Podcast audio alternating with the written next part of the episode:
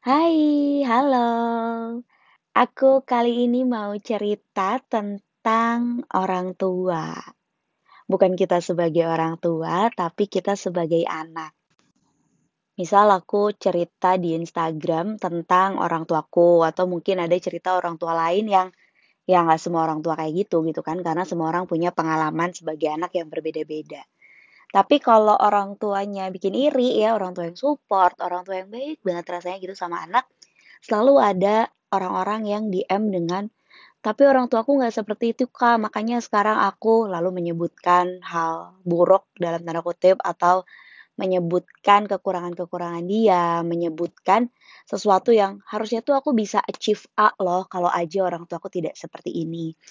Atau mungkin, eee, bilang, "Aku tuh kayak gini, depres, sekarang jadi mudah marah, sekarang jadi orang tua yang juga emosional," misalnya sama anaknya, "karena dulu orang tuaku begini dan begitu." Jadi mereka menyalahkan, mmm, orang tua mereka dan berandai-andai, "Andai orang tua aku dulu nggak begini, aku pasti tidak jadi orang yang seperti ini." Nah, ini aku pernah tulis juga sebenarnya di feed, terus juga sempat aku bahas di kelas Sandwich Generation bahwa masing-masing di antara kita mungkin punya konsep ideal tentang orang tua. Dari apa yang kita baca, orang tua tuh harusnya begini loh. Atau kita lihat dari film, kita lihat dari orang tua teman kita, kita mengalami pengalaman-pengalaman sebagai anak yang tidak kita alami langsung dengan orang tua kita. Tanpa sadar, kita tuh ngarep orang tua kita adalah orang tua ideal yang kita bayangkan, yang selama ini kita inginkan. Padahal aku mau ngingetin sama kalian semua, itu semua tuh cuma ada di pikiran kamu, bukan kenyataan.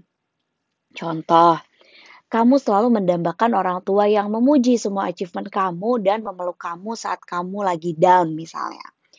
Kamu tahu nih, 20 tahun kamu hidup, nggak pernah orang tua kamu muji-mujinya kamu, atau nggak pernah gitu orang tua kamu nanya, "Kamu kenapa sedih?" Itu nggak pernah sama sekali.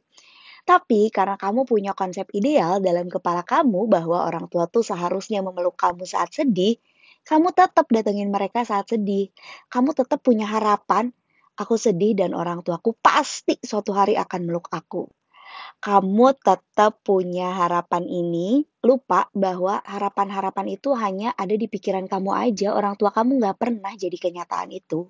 Kalau kita ngomongin anak ya, ini kita sebagai orang tua nih.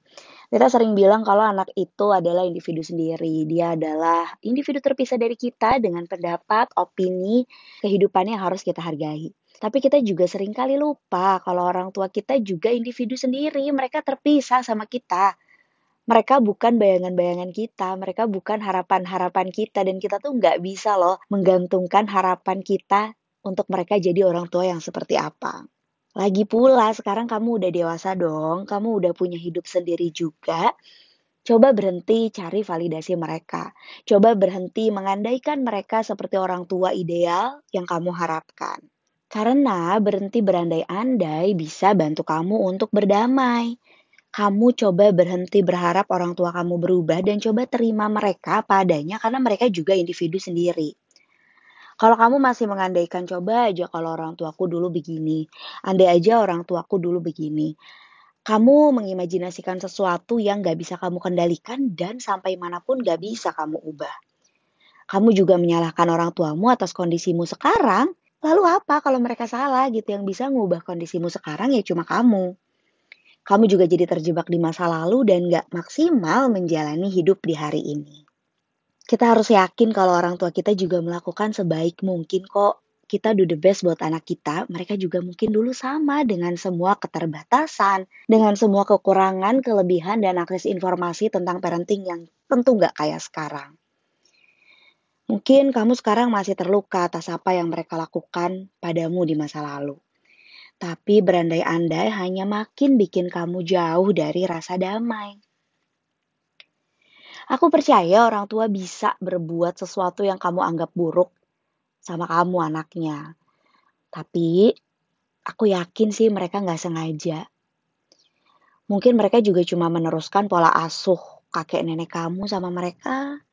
Mungkin juga mereka punya beban mental atau masalah yang nggak pernah selesai, jadi mereka melampiaskannya sama kamu.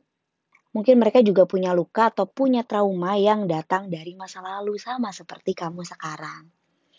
Jadi yuk, stop berandai-andai, stop berharap, stop memikirkan orang tuamu atas apa yang ada di pikiranmu, dan lihatlah kenyataannya. Itu mereka sekarang.